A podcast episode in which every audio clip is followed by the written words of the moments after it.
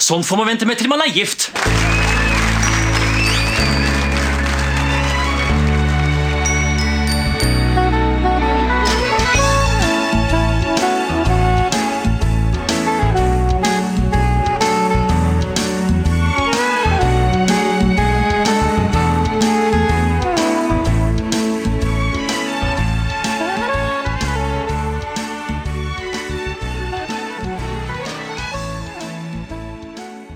Velkommen til en ny episode av Norsk film filmpodkast. Eh, Norges eneste podkast om norsk film. Hvor vi ser norsk film med et kritisk, men kjærlig blikk. Jeg heter Emil. Jeg sitter her som alltid med. Stefan heter jeg. Og denne gangen eh, så har vi jo tatt for oss en veldig dagsaktuell film. Jeg vil si på en måte om en eh, stor norsk politiker.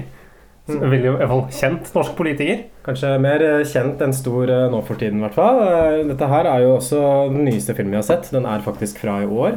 Jeg tror den nest nyeste filmen vi har sett, er vel Kon-Tiki fra 2012. Kan det stemme? Eller Tina Bettina The Movie, kanskje? Jeg, jeg tror faktisk det er Kon-Tiki. Altså, nå er vi virkelig på ballen her. Mm. Egentlig pleier vi ikke å være, prøve å være dagsaktuelle. Vi er evig aktuelle. Jeg tok oss 31 episoder, men nå er vi liksom der vi skal være, med pulsen på det som beveger seg i norsk film og politikk. For dette her er jo en politisk film vi har sett. Uh, dette her er noe så sjelden som en helaftens dokumentar om en norsk politiker. Det fins kanskje ikke så mange av dem. Nei, eh, i Sverige så har du jo hatt en tradisjon for å lage liksom all, Hver eneste statsminister liksom fram til liksom tidlig på, på 50-tallet har jo sin egen dokumentar. I Norge så har vi jo Einar Gerhardsen-dokumentaren. Og det er vel den eneste. Og så er det ja, Kåre Willoch-dokumentaren på Ja. halvannen time. Hvor Kåre Willoch den starter, den starter ikke når eh, Kåre Willoch blir født, i 1928, men i 1914. 1814, med Grunnloven. Jeg syns alle norske filmer burde starte i 1814, egentlig. I hvert fall alle norske dokumentarer. Eh, Jeg hører jo også rykter om at det skal lages en fiksjonsserie basert på livet til Abid Raja, med Odd Magnus Williamson bl.a. på produsentsiden. Det applauderer vi på det sterkeste, og vi gleder oss til å se og slakte den filmen. Jeg tror ikke det blir bra, blir bra, men jeg tror det blir veldig bra innhold for oss. Men til dagens film. Vi har nemlig sett 'Makta rår', regissert av Håvard Bussnes fra 2022. Det er over 20 år siden jeg begynte å tenke på å lage en film om Trond Giske. Dere har eh, veddet om hvem som blir statsminister først i Norge. Nei, den tror jeg er litt overdrevet. Ideen var å filme fram til han kanskje ble statsminister. har beklaget upassende oppførsel mot flere kvinner. Trond Giske er fra kvinner som har opplevd seksuell trakassering. Trond Giske, hva er det du nå beklager?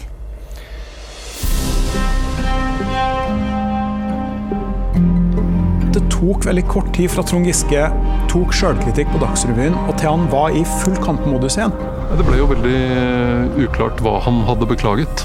Kan du si noe om hvorfor du er med på denne filmen? Jeg vet ikke helt hvor mye jeg er med ennå, så vi må ha en diskusjon om det.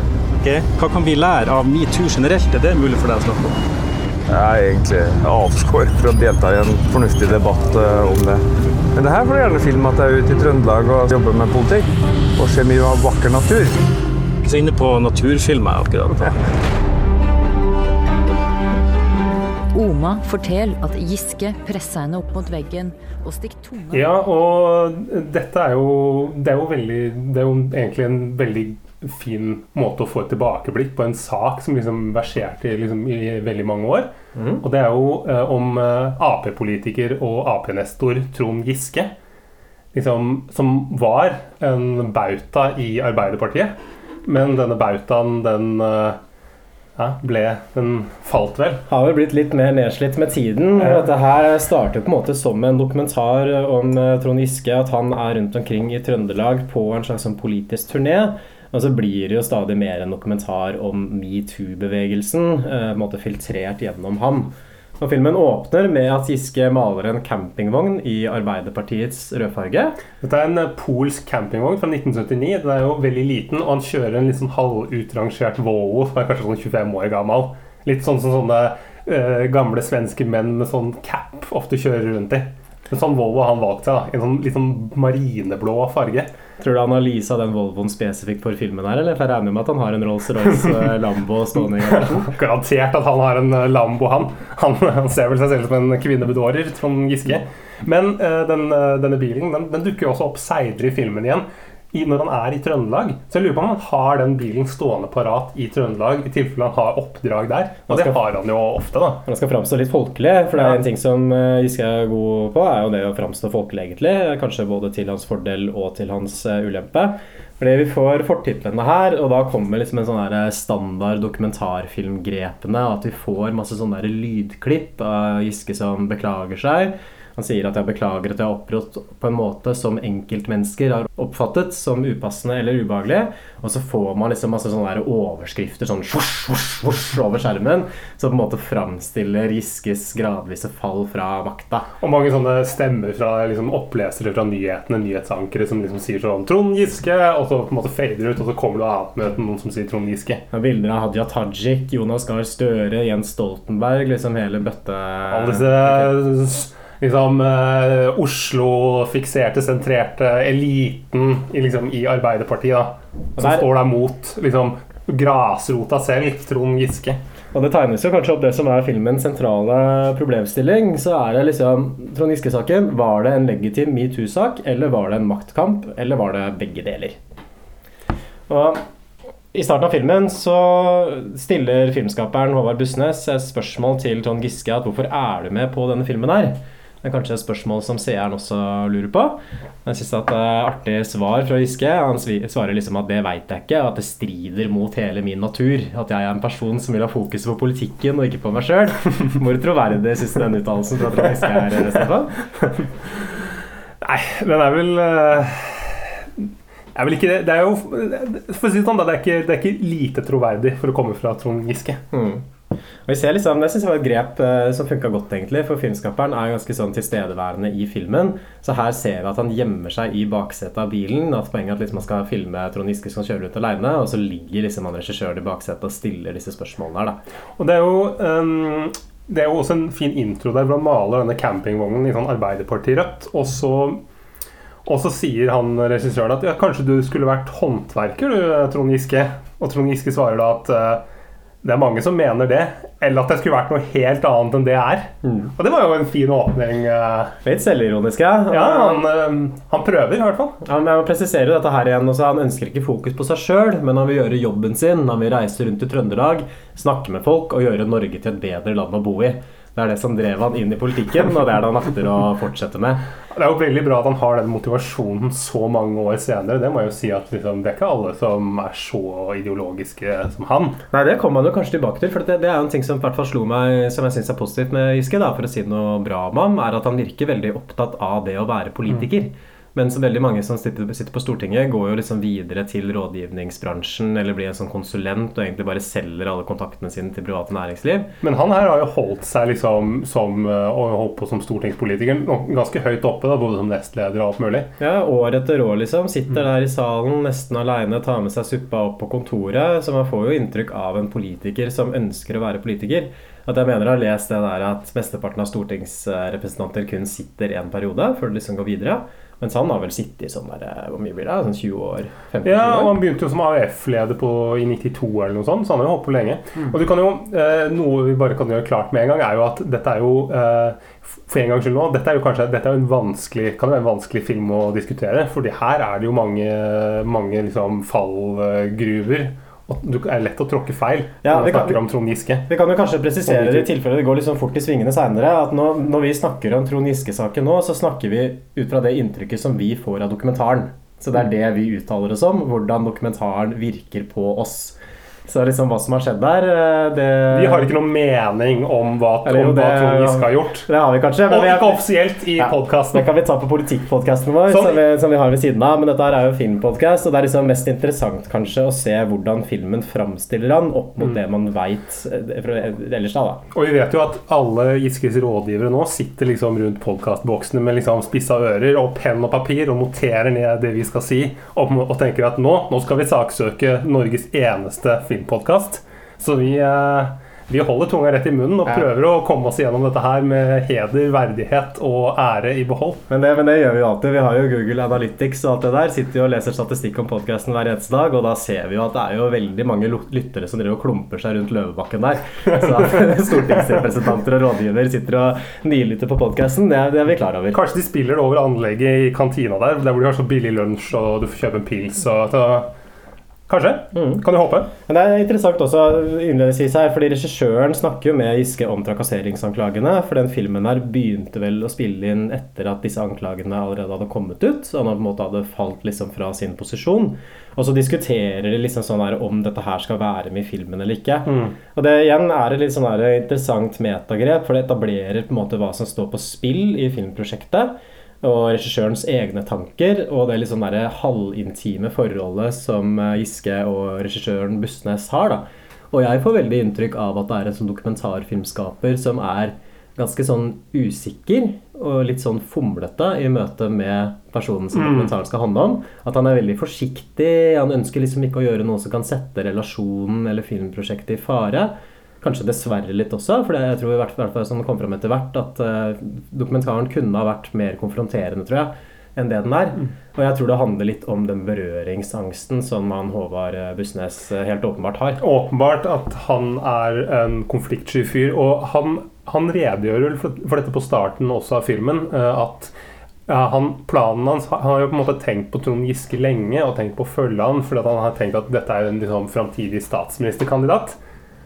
Så han er jo, det er jo åpenbart liksom en fyr han har ja, hatt eh, klokketro på. Ja, Han nevner vel det sånn at han har tenkt på å lage en dokumentarfilm om eh, Trond Giske i 20 år. Så det var jo flaks, flaks for han da, at Giske fikk seg et skikkelig skudd på haugen og faktisk, seg, faktisk ville stille opp på dette her. For jeg kan jo ikke tenke på at Giske hadde gjort dette hvis ikke det hadde vært liksom for det som hadde skjedd rett i forkant. Et morsomt spørsmål det, som, som lanseres der liksom i eh, Hvor de sitter i et sånt studio sammen med Petter Nome, sjefen i Øl- og Bryggeriforeningen. eh, Da kult programleder på NRK.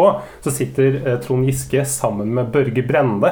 Og så sier da Nome at eh, dere to dere, ser jo, dere er jo Norges eh, framtidige statsministre fra hvert deres parti. Hvem tror du er, at det var størst sjanse for at kom til å bli statsminister? Trond Giske eller Børge Brende? Um, Her har du ikke noe Du må svare, Mikke. det, tenker jeg. det, det hopper jo litt eh, fram i, i filmen, kanskje. Det kan, det kan Jo, dette er et interessant ja. dilemma, min venn. Ja, fordi jeg har jo ofte, ofte hørt liksom det om Giske før, at han har jo åpenbart et sånn statsministerpotensial sånn i bunn og grunn. eh, For han er jo populær på grasrota og er en ganske sånn folkelig profil som Arbeiderpartiet ikke har så voldsomt mange igjen av. Eh, Men at det har vært et eller annet rundt ham som gjør at han kan på en måte, Han har et sånt glasstak internt i partiet på hvor høyt han kan nå, før han liksom skytes ned. Dette her tror jeg dels er eh, politisk. Vi får et sånt tilbakeblikk, eh, som du var inne på ganske tidlig i filmen, tilbake til 90-tallet og starten på Giskes politiske karriere. Her er han leder i AUF, altså Arbeiderpartiets eh, ungdomsorganisasjon. Han er på nei-siden i partiet mot EF, som det het da, eller EU, som det er nå. Så bakteppet her er liksom den folkeavstemninga hvor Norge veldig knepent endte opp med å stemme nei til, eh, til EU. Trond Giske, 25 år, student fra Trondheim. Han er nei-sidens kandidat og seiler opp som ny leder etter Turid Birkeland. Du er en innbitt EF-motstander, og er det derfor det arbeides så intenst for at det er du som skal bli ny AUF-leder? Tror dere folk har et engasjement i forhold til EF-saken uavhengig av hvem som skal være leder i AUF? Det er avgitt 133 stemmer for ja, og det er avgitt 215 stemmer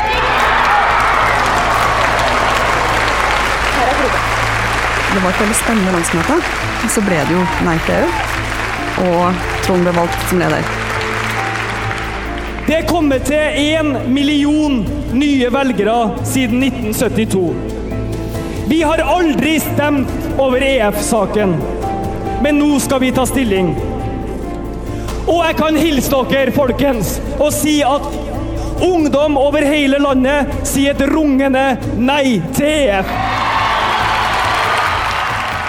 Og hvor, eh, som i 72, så var egentlig var sentrale Arbeiderpartiet, med liksom, eh, de som toppene i Arbeiderpartiet, var jo for EU eller EF. Eller Som de, som, de, som de fremdeles er. altså Ledelsen i Mm. Arbeiderpartiet er vel egentlig pro EU, har jeg inntrykk av. i hvert fall, Og så er det vel mer sånn grasrota og venstresiden i partiet, da, som Trond Giske representerer. som er imot. Og vi ser eh, ganske sånn slående bilder av Trond Giske som taler på Youngstorget. Veldig godt, syns jeg. Og det er en sånn gammel partikollega som argumenterer for at Giske var, om ikke liksom den avgjørende personen, men så en av de avgjørende personene for at det faktisk ble nei til EU da. Ja, Det er jo flere som sier det underveis, at han har betydd mye. Og der allerede så starter jo liksom at man etablerer det derre eh, liksom, Gro Harlem Brundtland som liksom eliten i Arbeiderpartiet mot liksom denne grasrota som da Giske representerer. Mm. Litt sånn der jipling som er også Eplekjekk fyr. Ja, eplekjekk, men samtidig også populær. At han, Mm. har liksom, han klarer å kombinere det å både være veldig sånn strategisk og politisk proff, men samtidig også være sånn sjarmerende og snakke liksom folkets sak. da. Mm. I hvert fall så får han til å utgi seg som det. Og det tror jeg er en veldig farlig kombinasjon i Arbeiderpartiet. fordi jeg har inntrykk av at partitoppene er jo bare sånne der glatte politikertyper og karrierepolitikere nesten hele gjengen. Og han er et slags sånn der ukontrollerbart element da, tror jeg, i partiet. Det er jo kjent sånn i ungdomspartiet nå at hvis du skal opp og fram, så går du inn i AUF. Du går ikke inn i SU eller RU eller Unge Venstre eller noe sånt. Så går du inn i AUF. Det er mye interessant å si liksom om Arbeiderpartiets rolle i norsk politikk. Jeg trenger kanskje ikke å gå inn på det akkurat nå. Vi har ikke, vi har ikke Thomas eh, hva faen er det? Harald Stanghelle eller Eller Fridtjof Fridtjof Jacobsen. Eller Fridtjof Wilborn, for den saks skyld. Altså, den der Regissøren også lurer jo litt på dette her. Da. Så hvorfor lar eh, Giske meg være med på den dokumentaren? Og det spørsmålet han stiller seg, er liksom bruker Giske han politisk for å prøve å komme seg tilbake igjen til toppen i Arbeiderpartiet? Men det òg er litt sånn um, Du merker at dette er noe han har skjønt, at som alle andre norske filmskapere, at du, etter å ha laget den dokumentaren, her, så må jeg nok stille de spørsmålene en del ganger underveis, sånn at det virker som at Eller sånn at dette her framstår som en balansert film. Mm. For han kunne jo ikke latt være å på en måte ha, sin, ha voiceover hvor han hadde stilt de spørsmålene. Nei, Det er jo påfallende kanskje også at han stiller det nettopp i denne voiceoveren. At han ikke Mm. spør Giske direkte. En tøffere filmskaper Prøver ville kanskje spurt han sånn der, ja, er, den, er den filmen her et ledd av en maktkamp for deg? ikke sant? Hva er ambisjonene dine? Og Det prøver han kanskje på iblant også, men eh, det er veldig mange scener her hvor Giske egentlig bare skyter han ned. Nei, jeg vil bare gjøre jobben min. Jeg vil bare representere Trøndelag og liksom dra rundt og snakke med folk. Se på den vakre naturen i Trøndelag. Ja, det er altså sånn altså, en morsom greie. For da uh, Giske sier at man kan møte mye bra folk i Trøndelag og se mye fin natur. Og så svarer Håvard Bussnes ja, naturen er fin. så åpenbart enig i siste del av sendinga. Det er også et intervju her med Olav Huseby fra Arbeiderpartiet i Orkland, som er vel et lite sted oppe i Trøndelag. Ja, Orkanger er det. Orkanger? Ja, I Orkland kommune. Ja, ok. Ja, er For alle i Trøndelag som er, er Vi må, vi må ha fakta riktig her. Lett lett å trå feil der. Um, som egentlig bare gir han full støtte. Dette er litt sånn der gammel type, egentlig. Det er sånn slående at det virker som om grasrota i Arbeiderpartiet stort sett består av eldre menn med litt sånn der rar sveis og briller og allværsjakke. Han, uh, han Olav Huseby han sier det at alle har jo gjort ting som ikke er helt etter boka. Alle har vært litt pågående mot damene. Ja, han sier det, sånn der, Er det sånn at man skal halshogges for det? For å være pågående mot en dame? Ja, da skulle jeg vært halshogd for lenge siden. Og så ser du, istedenfor at da Giske svarer et eller annet sånn at uh, Ja, det, det trenger vi ikke å diskutere nå, så sitter han liksom bare stille der og bare ja, ja. Han sitter bare og nikker og ser sånn forståelsesfull, og det, Ja. det føler jeg at han gjør i veldig mange av de scenene hvor han treffer liksom folk i Arbeiderpartiet. At han nikker sånn hm, Ja, det tar jeg med meg, men han tar liksom ikke stilling til det. Så det er en smart strategi. For han har jo skjønt det at, eh, at han må høre på folket, og så trenger han ikke å si så mye selv. Det er de som vil prate med han. Han, å, han kan bare være stille. Og liksom, han er veldig god til å ha et sånt lyttende og forståelsesfullt blikk. Ja, Men samtidig som, så han forplikter seg ikke noe til hel- eh, Nei, nei, heller, det er Fordi da oppnår han liksom det at de folka føler seg hørt og forstått, og de tenker kanskje at han er enig med dem, men han sier aldri at han er enig. Han bare sitter og hm, ja, ikke sant, det var interessant og et godt poeng og Så sier han noe om været, og når han møter noen Ja. gamle damer og Ofte liksom deflekterer det over på smalltalk. Så det er jo en helt sånn genial strategi for en politiker. Fordi han har jo bestemte posisjoner, så han kan ikke gå rundt og si hva som helst. ikke sant? Det kan han bli tatt på. Men den der liksom joviale, enig siste taler-stilen som han går for, jeg tror det er en sånn suksessoppskrift. altså. Det er også en sånn annen interessant scene også inne i den campingvognen. Det er sånn komisk egentlig, Trond Giske er jo ganske sånn svær fyr, høy fyr. Eh, Campingvognen er veldig liten, så han sitter ofte sånn bare hukt over inni der. Eh, Men han er med sin daværende samboer og nåværende kone, altså Haddy. Og de har en sånn samtale inne i campingvogna hvor liksom Haddy spør han sånn Du, Trond, hvorfor har du så mange fiender? Og Giske svarer liksom sånn Ja, det byr meg mot å være feig. Og det er ikke det at jeg vil ha konflikt, egentlig. Jeg er ikke noen konfliktsøkende person. Men hvis jeg mener noe, da må jeg bare si fra. Og det er klart at det blir upopulært blant noen. På hvorfor det er så mye, så mye kamper, kriger. I partiet, tenker du? Eller med Nei, med deg. Ah, ja. Det å skaffe seg så mange fiender langs veien da, som du har gjort. Og litt lav terskel for å gå i en konflikt, på en måte. Eh, Jeg synes eh, det, byr meg imot å være feig, hvis du skjønner hva jeg mener. Hvis det er et eller annet som jeg mener er feil. Det er bare at du liker det litt. da. jo, det kan jo være at ikke Det ikke er så nobelt som du tenker. Nei, jeg gjør jo egentlig ikke det. Jeg, noe, jeg liker jo egentlig å være venner med folk. Jeg gjør jo det. Ja, nei, jeg, jeg, trodde, jeg tenkte før at du liksom fikk eh, energi av eh, være i sånn konflikt, men jeg, du gjør jo egentlig ikke det. Nei. Det er jo vanskelig for meg å se utenfra hvor god maktspiller du er. Men når jeg ser på hvordan du analyserer da, når du velger om du skal gå inn i en konflikt eller ikke, og hva du skal bruke krefter på ikke, så syns jeg jo ikke at du virker så spesielt strategisk, for å si det sånn. Hvis jeg skal være helt ærlig. Så jeg Nei, skal altså, ikke si jeg er skuffa, men jeg er det er dumt å si at jeg skal komme mye lenger, for jeg har jo jeg vet ikke, vært statsråd i ti år. Men jeg hadde nok kommet lenger med mindre bry hvis jeg hadde tatt færre kamper. Så jeg, jeg synes at den scenen her, også en del av de andre scenene med de to i filmen, det, det framstår som veldig sånn regissert Ja. fra deres side. Sånn der, ikke fra filmskaperens side engang, men som at de har blitt enige om at ok, nå har vi den praten her i campingvogna. Og Og du sier det, og jeg svarer det. Men det, det, det er veldig sånn imagebygging, da. Du, ja, du merker at uh, det framstår som veldig planlagt, og det er også det her at um, Haddy spør også liksom hvordan, hvordan har det seg at du som så, har så mange konflikter, du som er så konfliktsky At det er hele tiden det der at Du som egentlig er så hyggelig person, hvorfor er det så mange som ikke liker Hvordan deg? har det seg at arbeid, Kan Arbeiderpartiet gjøre det enda bedre enn det de gjør det nå? Og det er jo ikke fordi at du er strategi strategisk heller, Trond. Det er for at du har så sterke meninger. At du skal stå opp liksom for menigmannen, og det, da selvfølgelig Da tråkker man jo noen på tærne, da, vet du. Og sånn må det nesten bli. Og det er liksom rikt også at de sitter og har den samtalen her sånn etter metoo. fordi det er jo helt åpenbart at de liksom skjønner hvordan den scenen der framstår for dem hvis det blir inkludert i filmen. Det jeg er usikker på, er om regissøren liksom har tenkt noe over dette her. For han gjengir jo disse scenene bare helt sånn ukritisk og Mm. ufiltrert og kommenterer ikke noe på det. Så det er en litt sånn der interessant dynamikk som går gjennom hele filmen, egentlig. Sånn der, er det liksom Bustnes som bruker Giske for å lage sin dokumentar? Eller er det heller omvendt, at Giske bruker liksom regissøren for å fremme en bestemt versjon av seg sjøl?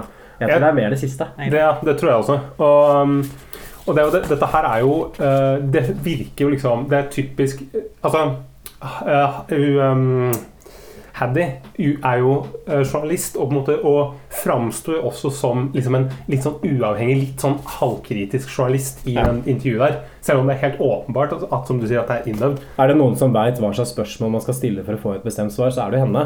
Og disse samtalene her kan jo de godt ha øvd igjen også på kammerset før de møter opp og skrur på kameraet. Og så er det ikke åpenbart nok. Det ikke, og det, det er jo derfor det ikke er klippet ut heller.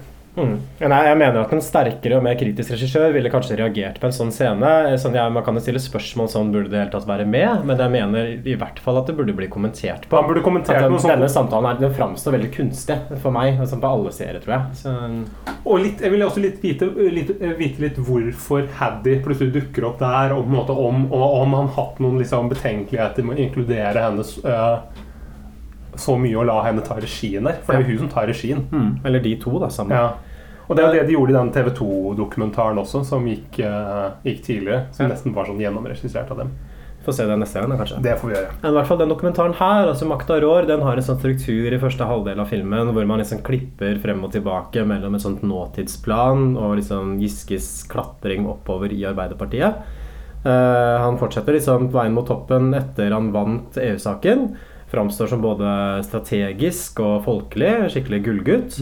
Har den der samtalen som du var inne på i stad, Stefan, med Børge Brende, som hvem av oss er det som kommer til å bli statsminister først? Og, og en av mine favoritter fra Trond Giske at um, nettverksbygging. På Østlandet kaller vi det nettverk, men i Trøndelag så kaller vi det for venner. For gode relasjoner. Men så begynner disse partyryktene å komme, ikke sant? og de ryktene som Ah. vi alle kjenner til. ikke sant? Fra Kvartfestivalen. Giske liksom er på fylla nedi der.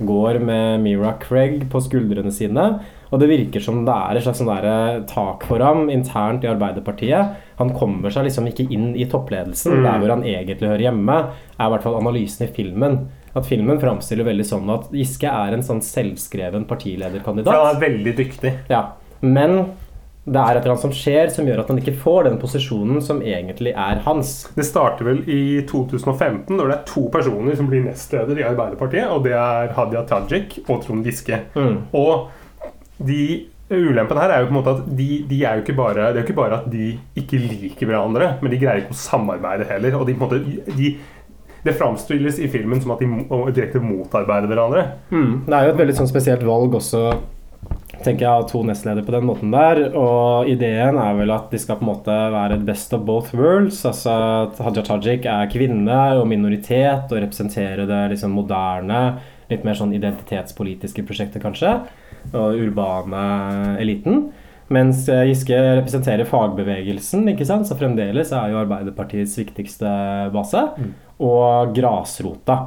Men det blir liksom hele tiden en sånn konflikt mellom dem, og filmskaperen mener at dette her er pga. nettverket til Trond Giske. At det blir en sånn intern sjalusi, nesten. Mm. Som hvis Giske har et verv, så skal Hadia Tajik ha det samme vervet. At det liksom kuppes litt, fordi begge tenker at veien til å bli partileder går gjennom nestlederrollen. Og når det er to nestledere, så kan egentlig bare én bli stående. ikke sant? Man Mm. kan jo ikke ha to partiledere. Det ville jo vært veldig, veldig rart. Nei, og det er jo uh, Det framstilles jo som at uh, Hadia Tajik er litt misunnelig fordi at Trond Giske har så mange venner, som Mm. Trond Giske ville sagt. Ja. Og vi går videre til eh, 2017. Arbeiderpartiet taper det valget. Gjør et veldig dårlig resultat. Også ganske sånn uventa dårlig resultat. Mm. Og Trond Giske skyver liksom ansvaret for valgresultatet over på finanspolitikken i partiet og ønsker å overta kontrollen over den selv. Mm. Men Det kommer jo også fram at finanspolitikerne er på en måte de viktigste i partiet, som bortsett fra ledelsen. fordi hvis du sitter i finans, så har du på en måte fingra i alle de politiske paiene som partiet holder på med. At det er liksom økonomien som styrer, ikke sant? så det er de som sitter med pengesekken, og da er på en måte alle de andre delene av partiet må også svare til dem. Eh, Trond Giske lykkes da å bli finanspolitisk talsperson, men det blir eh, upopulært i partiet. Eh, Trond Giske er likevel et steg nærmere partilederrollen. Og så så smeller det. Ja, for da, i 2017, så internasjonalt i USA, så kommer da feier metoo over verden. Hele bevegelsen. Eh, alt Trond Giske liksom trodde at alt var så bra. Kom hjem til Haddy, som lagde bok om hva barn kan gjøre sammen. Om at de kan lage en deig av lim og potetmel og kose seg sammen. Familielivet blomstret.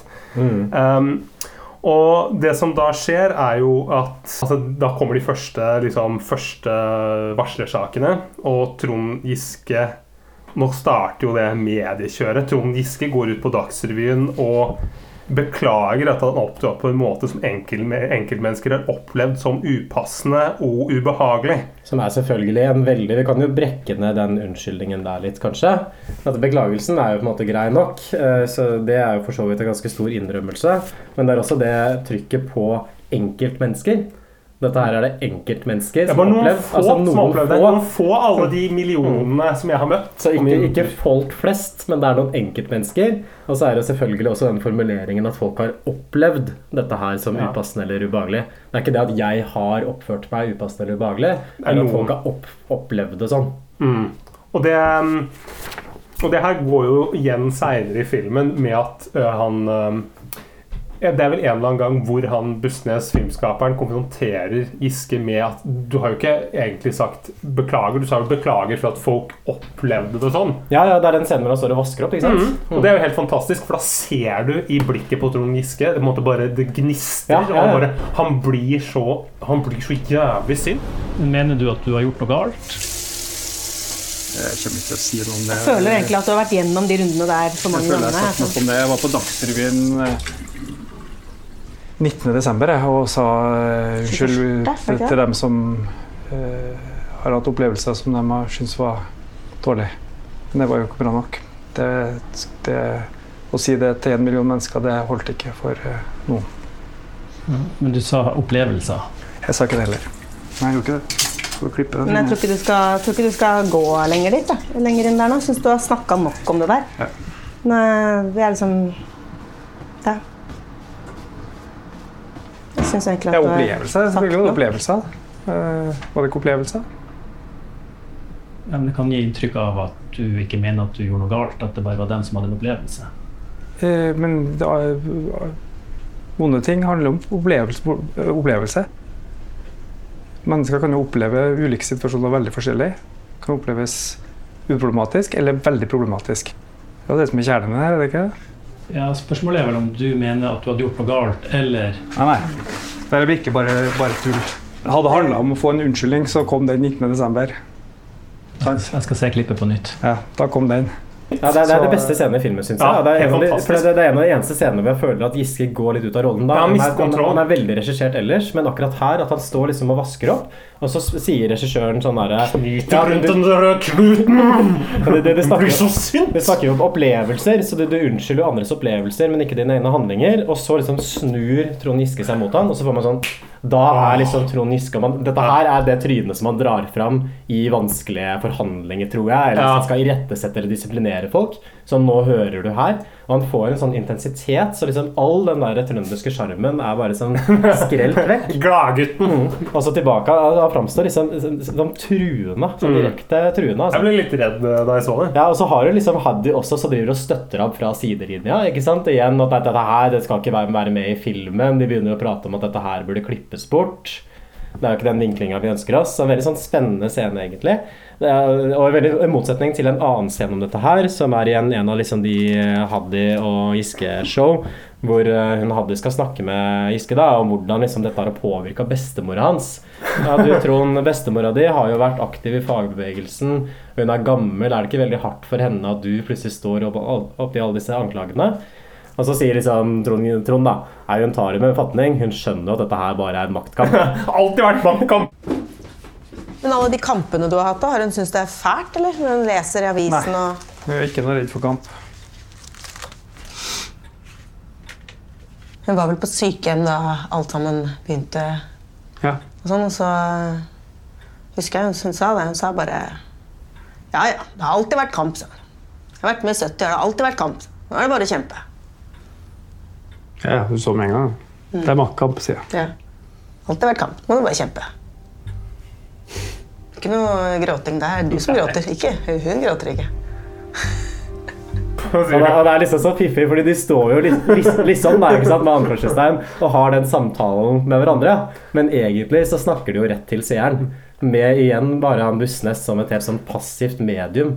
Så de kan egentlig bare snakke sånn direkte ut i publikum, og så er det ikke noe sånn forsøk på han å liksom kontekstualisere eller utfordre eller pirke borti dette her. Verken som regissør i situasjonen, men ikke engang liksom i klippen eller voiceoveren. Ja, for Det er veldig rart, det er det jeg reagerer på, at han ikke har kommet med noe etterpå. Og det er ikke det at han trenger å si sånn Her er det åpenbart at Men altså, bare no, at han bare, Bare stille reflekterer litt rundt det. Ja, bare stiller spørsmålet så Hvem er det de snakker til nå? Snakker Mm. de til hverandre? Snakker de til meg? Eller snakker de til de folka som skal se filmen i ettertid? Fordi, sånn men, men dette skuespillet hadde, de hadde ikke kommet inn på teaterskolen. Og det er jo på en måte Det er jo, eh, det er jo liksom en, en eh, Det er jo Kim Kolstad på en god dag.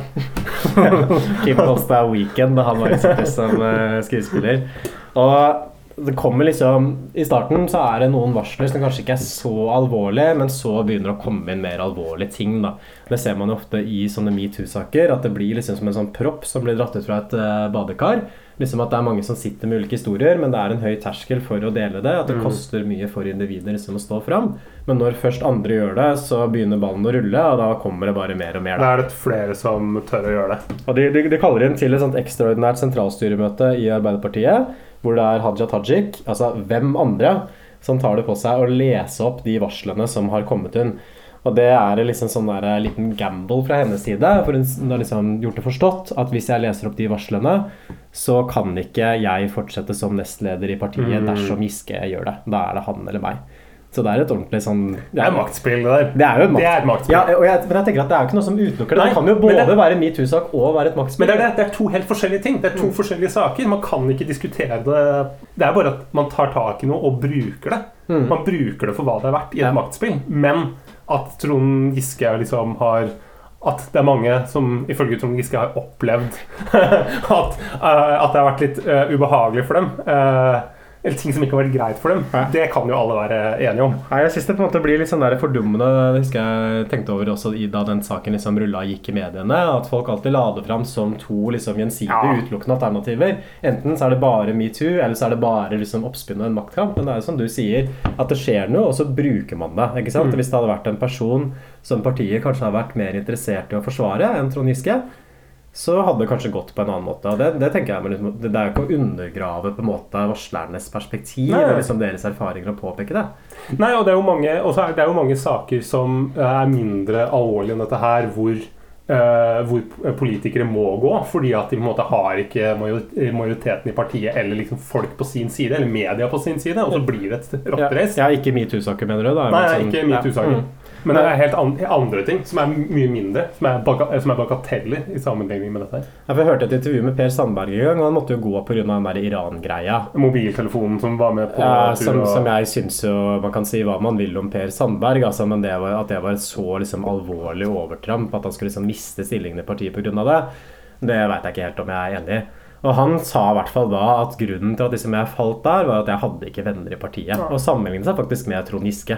At hvis jeg hadde vært en sånn Giske-type som liksom hadde noe på alle og liksom smusa rundt og kyssa ræv og fikk ræva kyssa tilbake, så ville den saken ikke ha fulgt meg på den måten den gjorde. Og det tror jeg nok kan stemme også.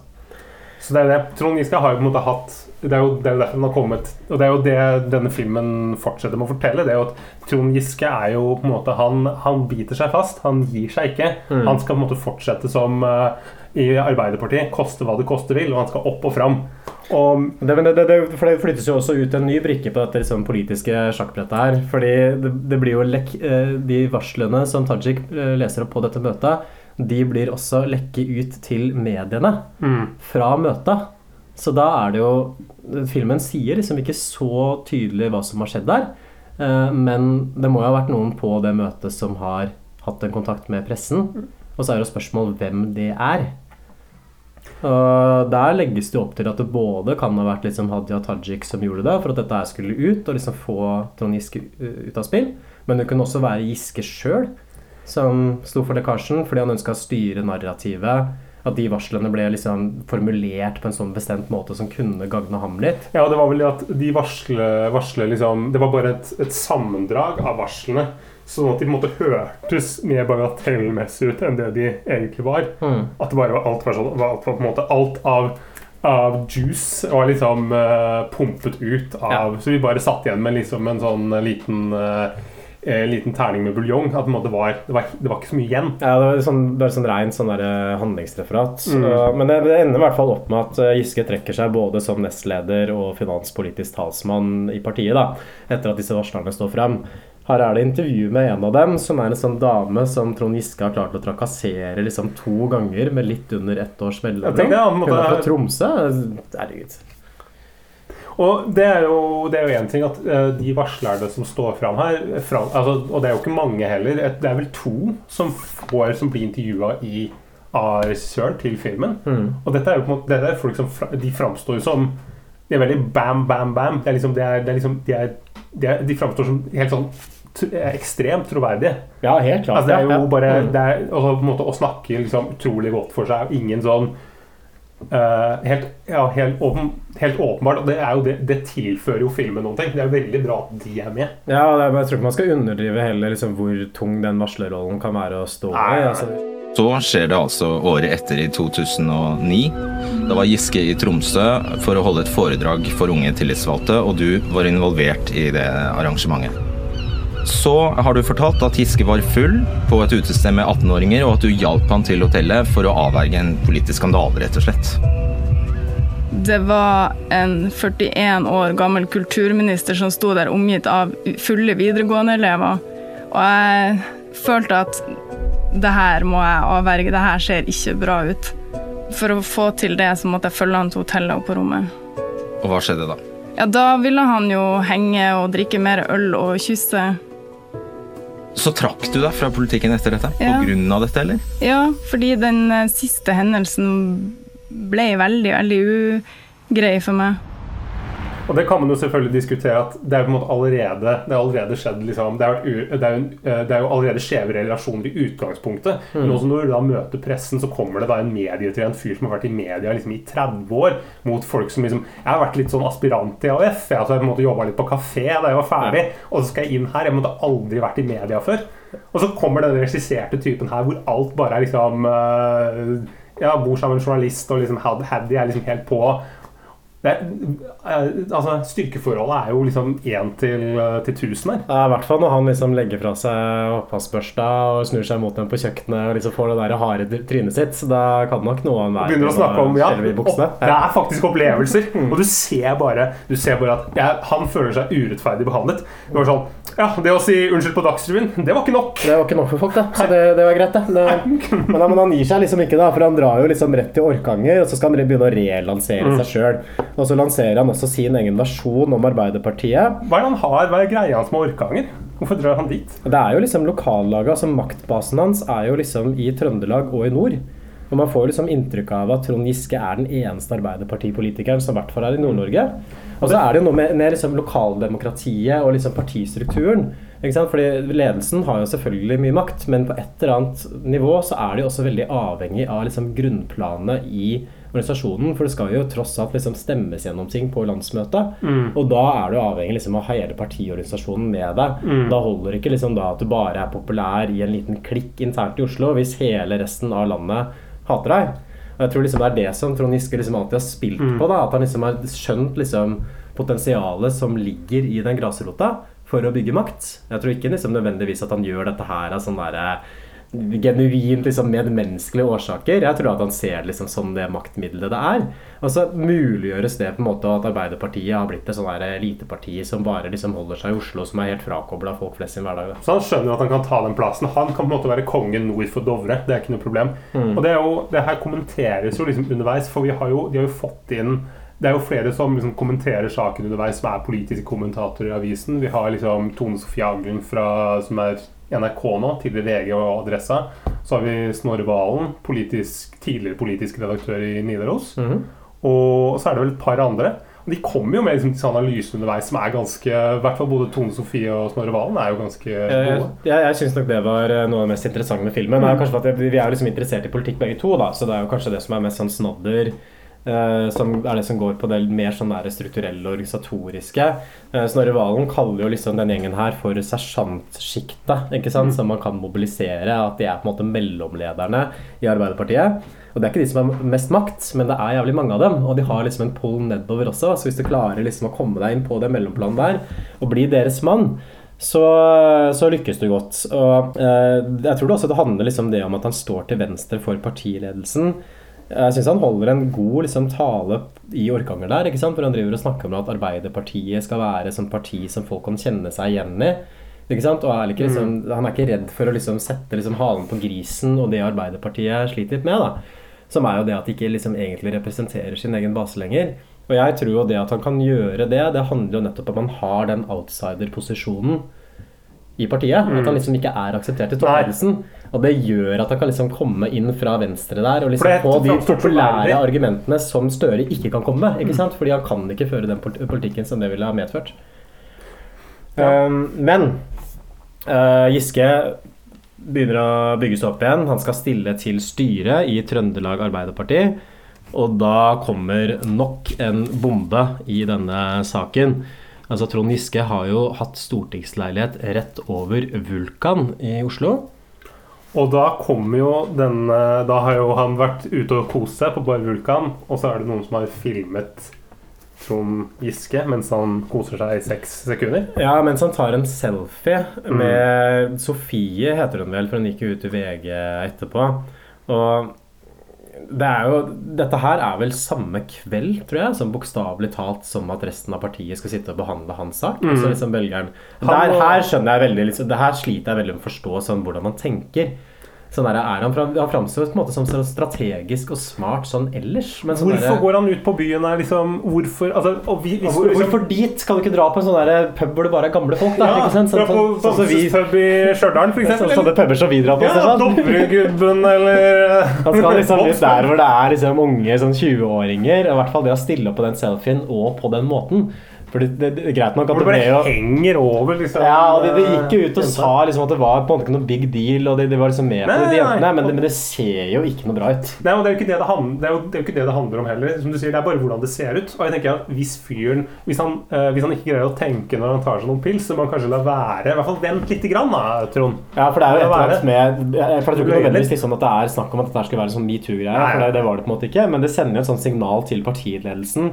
Dette her er en person som vi ikke kan stole på. Mm. Ikke sant? Så hvis man har så dårlig dømmekraft i det tilfellet her ikke sant? Samme dagen som vi sitter og diskuterer der, så går du liksom ut og henger over en dame og blir filma mens du gjør det.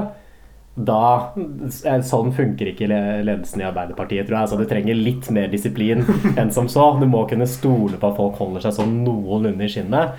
Og Giske blir jo da umiddelbart felt liksom, i den der eh, lederjobben i Trøndelag Arbeiderparti. Er liksom mer på felgene enn noensinne. Men så snur det, fordi at uh, her er det jo Uh, hun som uh, var med på denne selfien, går ut og sier at dette var ikke noe problem for meg. Jeg opplevde det ikke som problematisk i det hele tatt. Og så det, har det vel skjedd et eller annet der som gjør at uh, VG blir i hvert fall klaget inn til PFU med ganske god grunn.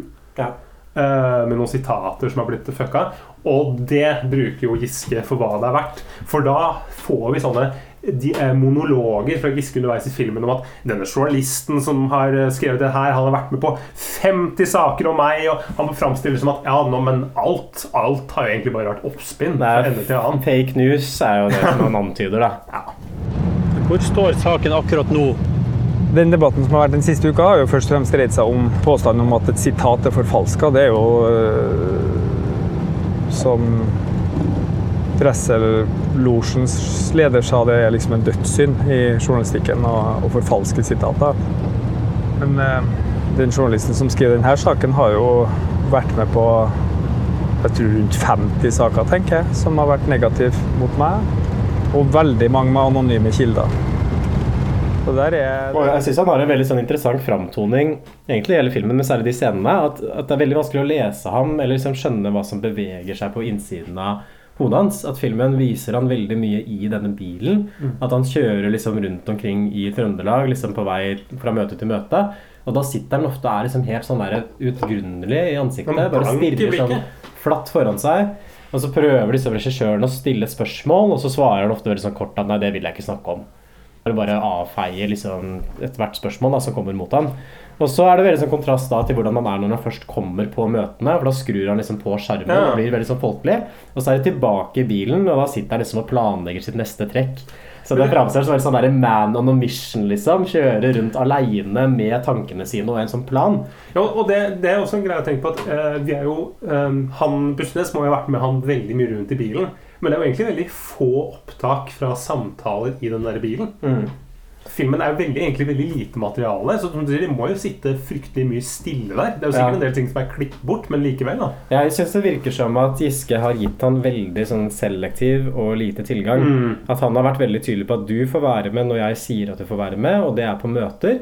Og det er når jeg sitter i bilen min og kjører aleine, det kan du også få filme. Og du kan være med Da kan jeg du ligge med bak i baksetet der, sånn at vi ikke ser deg. Og når jeg er sammen med Haddy, for da skal vi ha noen veldig sånn konstruerte dialogscener foran deg. Nei, vi skal ha nære samtaler måte, og diskutere dette her på en ordentlig måte. For vi har ikke hatt så mye tid til å prate under metoo. For jeg har hatt så veldig mye å gjøre. Nei, for dette her tror jeg han har planlagt sånn helt klart. Og en bedre filmskaper som hadde vært litt bedre på å kanskje manipulere objektet sitt, kunne jo kanskje klart å komme seg med på en eller annen fest. da Mm. Blir man på byen, se hvordan han er. Mm. Eller i hvert fall blir man liksom i en litt mer sånn der ufiltrert eh, situasjon hvor han har rustningen og liksom skjoldet litt mer nede. Men det, det får vi ingenting av her. Vi får ikke det. Har liksom lest omtalen, så sier jo mange at ah, vi får så veldig direkte og ufiltrert blikk på Trond Giske som vi ikke er vant til å se i filmer ellers. At vi kom så tett på. Men det gjør man ikke i det hele tatt. For det er alle de scenene hvor regissøren har fått lov til å filme, det skjer 100% på Trond Giskes premisser. Og det er ikke en situasjon i filmen som han ikke kontrollerer når han er med. Og så er det kanskje det at vinklinga framstår som, som kritisk. Det handler jo mer om liksom de andre intervjuene og liksom det rundt. Men ikke noe liksom om, det er ikke noen sånn avslørende bilder av ham her. Og det syns jeg er en stor svakhet egentlig i filmen. Sånn, hvorfor er ikke filmen med han på byen, da? ikke sant? Eller på fest?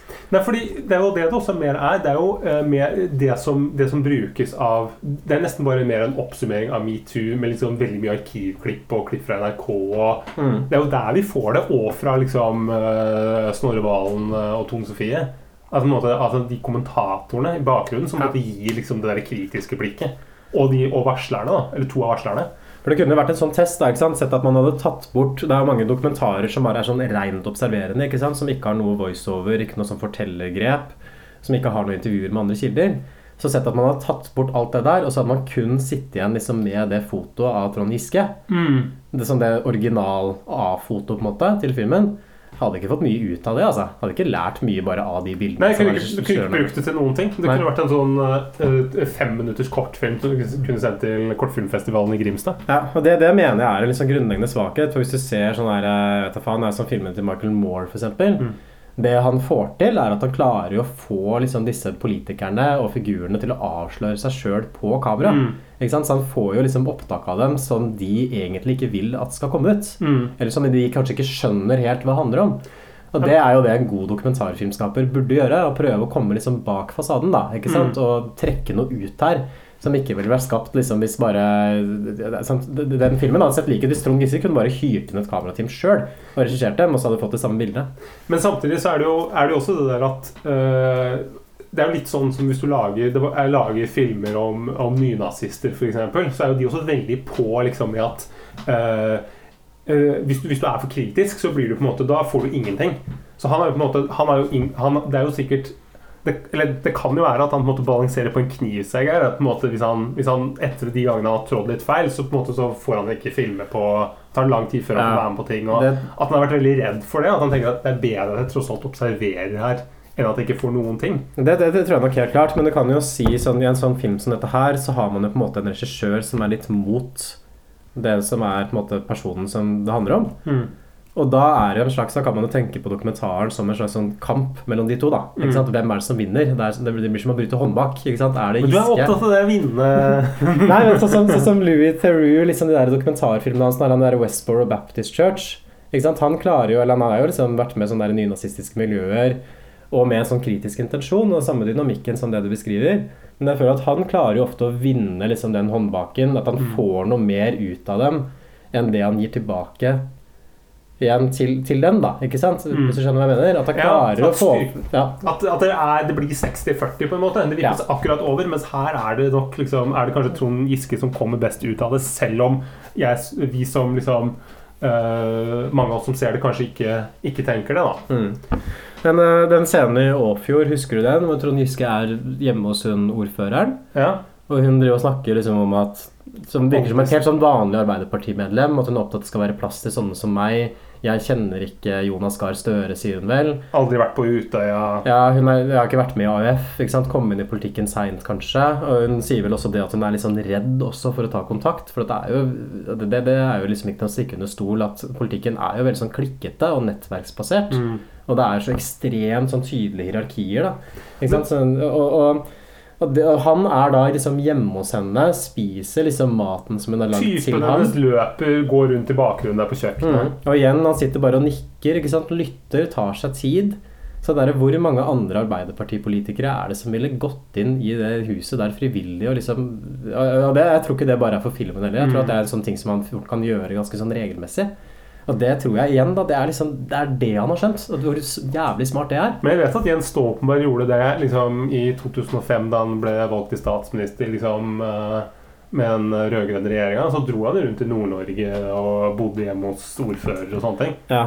Men Jens Stoltenberg også, men, men med Jonas Gahr Støre, da, eller Hadia Tajik Nei, ser, og det kom jo fra Snorre Valen også, at, han, at, at ingen av de andre var i Nord-Norge under, under valgkampen. fikk man i hvert fall inntrykk av. Og det blir jo sammenligna, for det blir kontrastert med Jonas Gahr Støre som står på en sånn scene sånn der veldig langt unna publikum, og så står liksom sånn sterkere fellesskap på skjermen. Mens han står der liksom aleine, liksom den rikingen som ikke plagger på 1. mai, og snakker om fellesskap. Og han står der liksom og diskuterer metoo, og du ser liksom Gro Harlem Brundtland som sitter og klapper i salen, og Trond Giske. Så det er jo kanskje noe med også som, som kan bidra til å forklare at de metoo-anklagene kanskje ikke betyr så veldig mye for grasrotpartiet. For det er et eller annet hvordan de sakene der gjerne vinkles. Da, Mm. At man kanskje kan få en sånn oppfatning av det er en sånn elitegreie som de i Oslo bryr seg om. Dette metoo, seksuell trakassering og sånn. Men vi bryr oss ikke om det. For oss er det viktigere liksom å ha en mann som vi kjenner igjen som en av våre.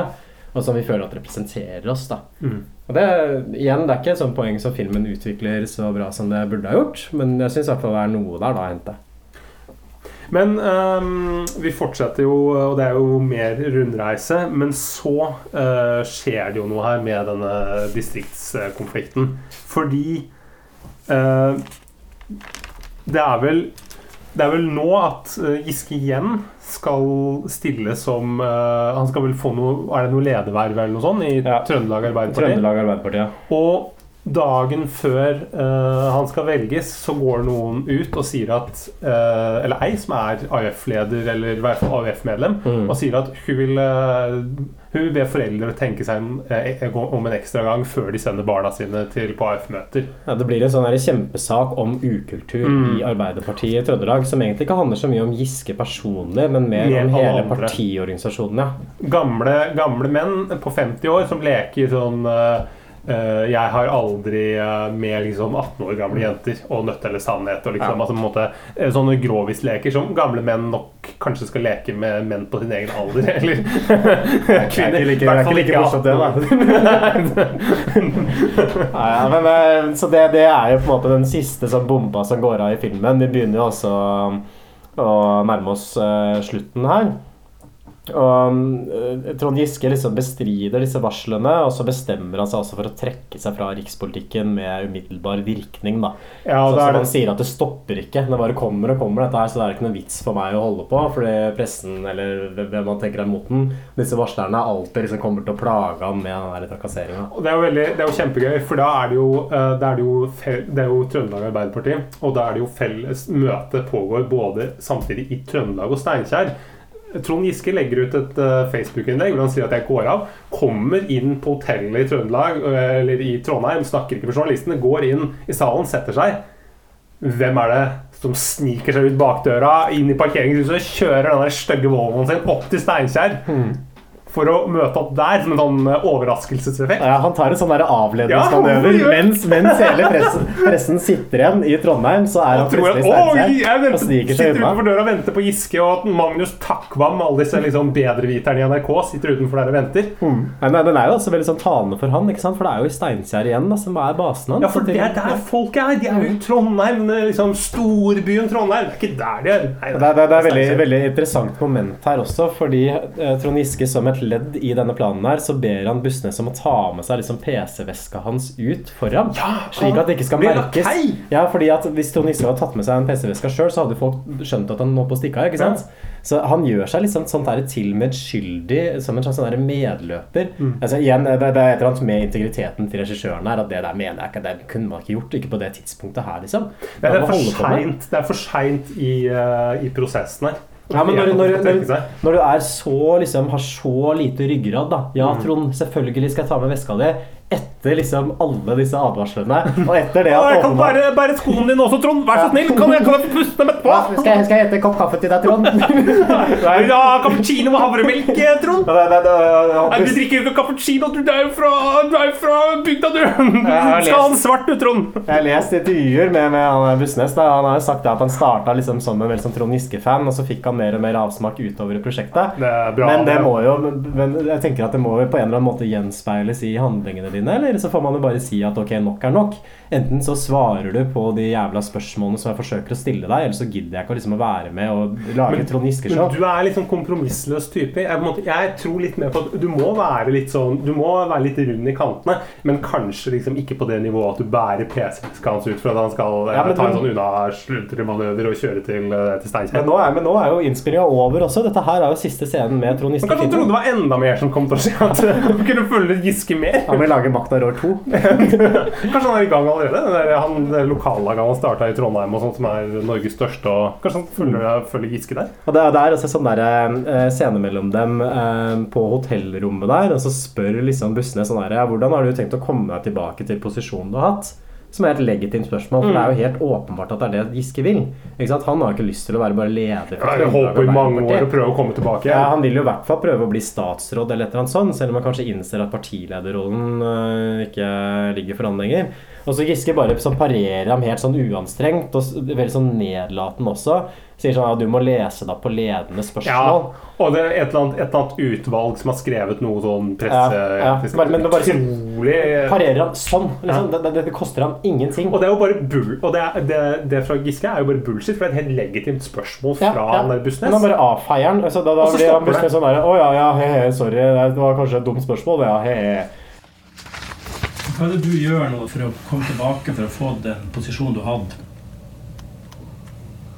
Har, jeg på noe som helst tidspunkt i dette prosjektet ditt sagt at jeg skal ha den posisjonen som jeg hadde? Her, eh, skal lese, lese Omdal-utvalgets innstilling om ledende spørsmål og premisser i behandling av kilder. Gikk jeg bare? Ja, det gikk rett i bare. Ja, og, og man merker også en veldig sånn avstand mellom dem, som er sånn påfallende.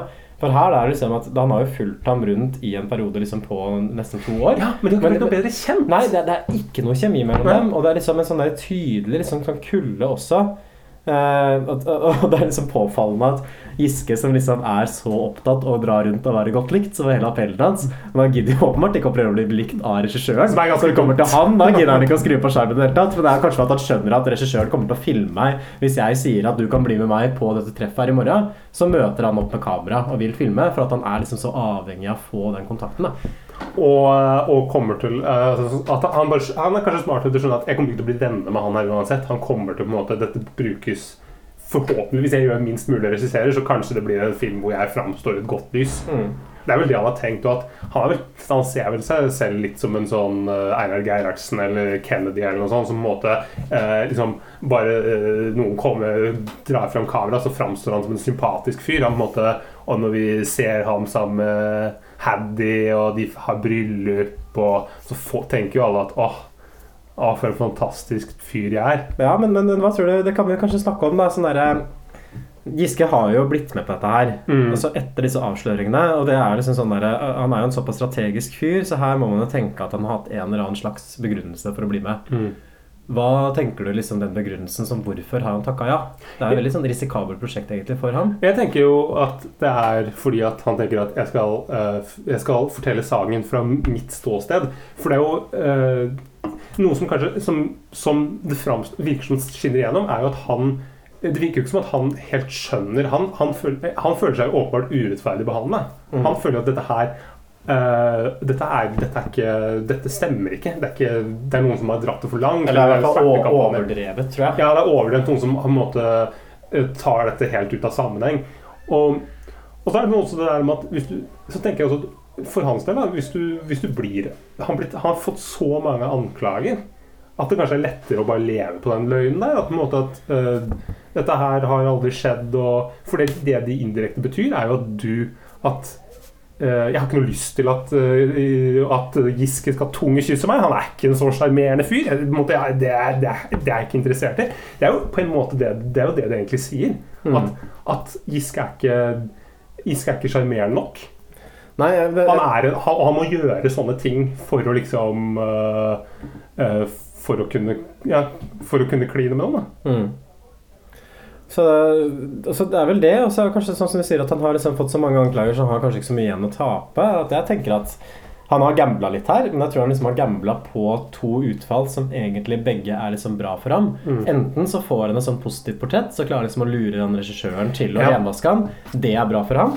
Eller så får han en sånt negativt portrett, og da bygger han opp under den ideen om at alle i media er mot meg. Mm. Dette bare handler om framstilling. Jeg har oppført meg korrekt. Jeg har ikke vist noen ting som kan på en måte blamere meg og mine handlinger, bare. For det har Så du faktisk disse- ikke gjort. Det har han ikke gjort. Det er bare disse kommentatorene, og det er regissøren som vinkler dette her, og så fortsetter liksom denne heksejakta.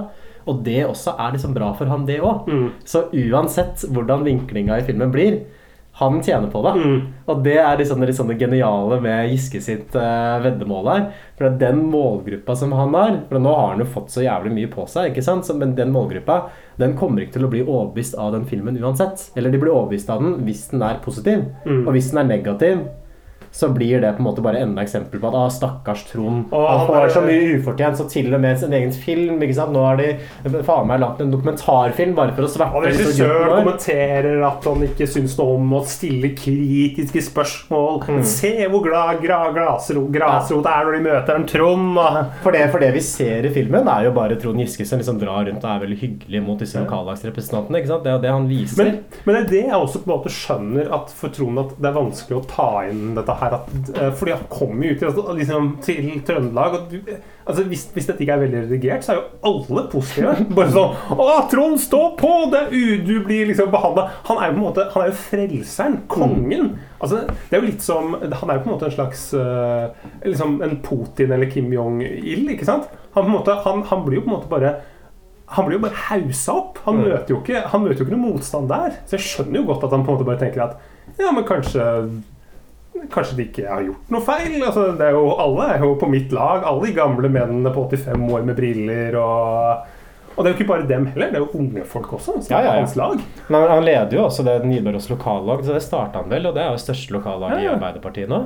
Se på medlemmer. Jeg vet ikke om du har vært inne på den Facebook-siden deres? Jeg. Eh, Den anbefaler jeg, for det er sånn der Nå skal vi på grilltur med Trond! Og så Bussen går fra Oppdal halv ni om morgenen. Skal vi, skal vi melde oss på der, eller? Og han er jo sikkert med, ikke sant? og det er jo veldig mange folk som antageligvis har lyst til å treffe Trond Giske og liker liksom bare å være med han.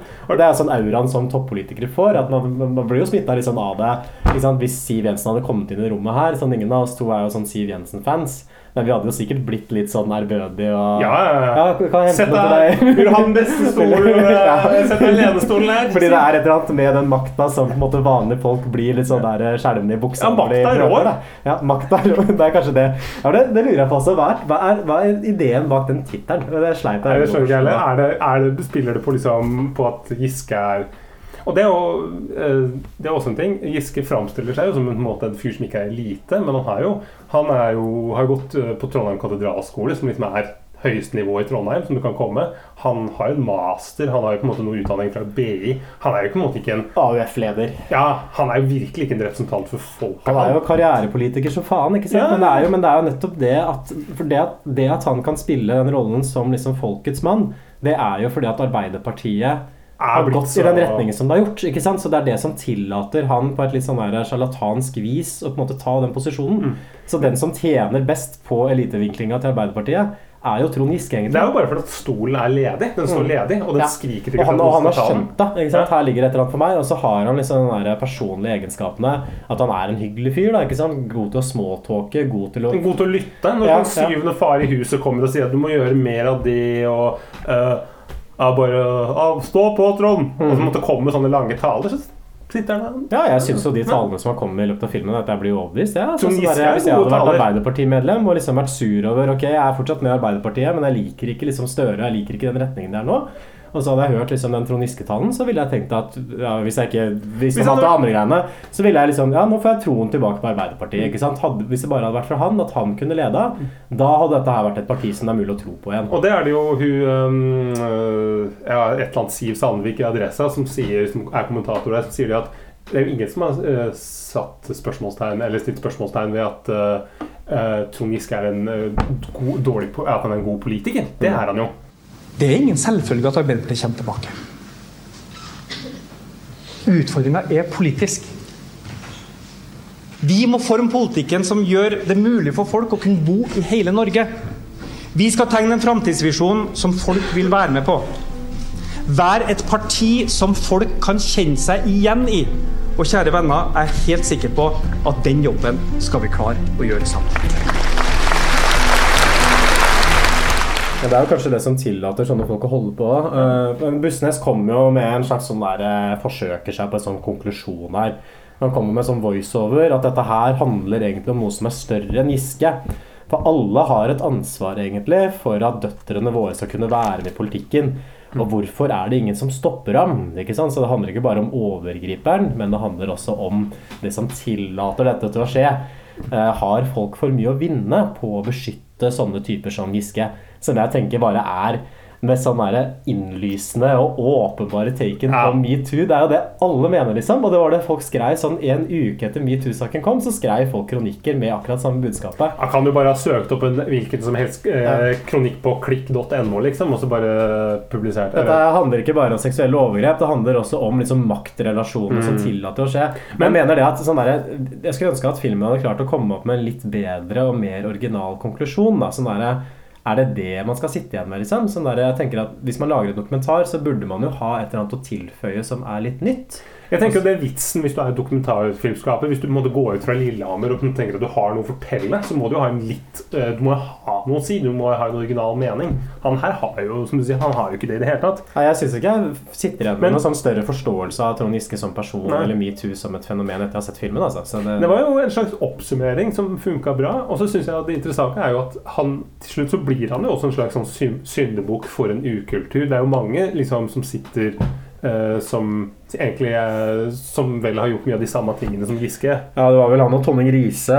Kristian Tonning Riise Mm. fra, Høy fra Høyre, men med Tønning Riise, så han Ikke spør meg. Har ikke noe, der har ikke jeg noe å komme med, så det får stå på deg. Det er ikke uh, Norsk Film Filmpodkasts offisielle holdning. Kan, eh, en ting som også skjer på slutten her, er jo igjen liksom kontrast mellom møtet i Trøndelag og i Steinkjer.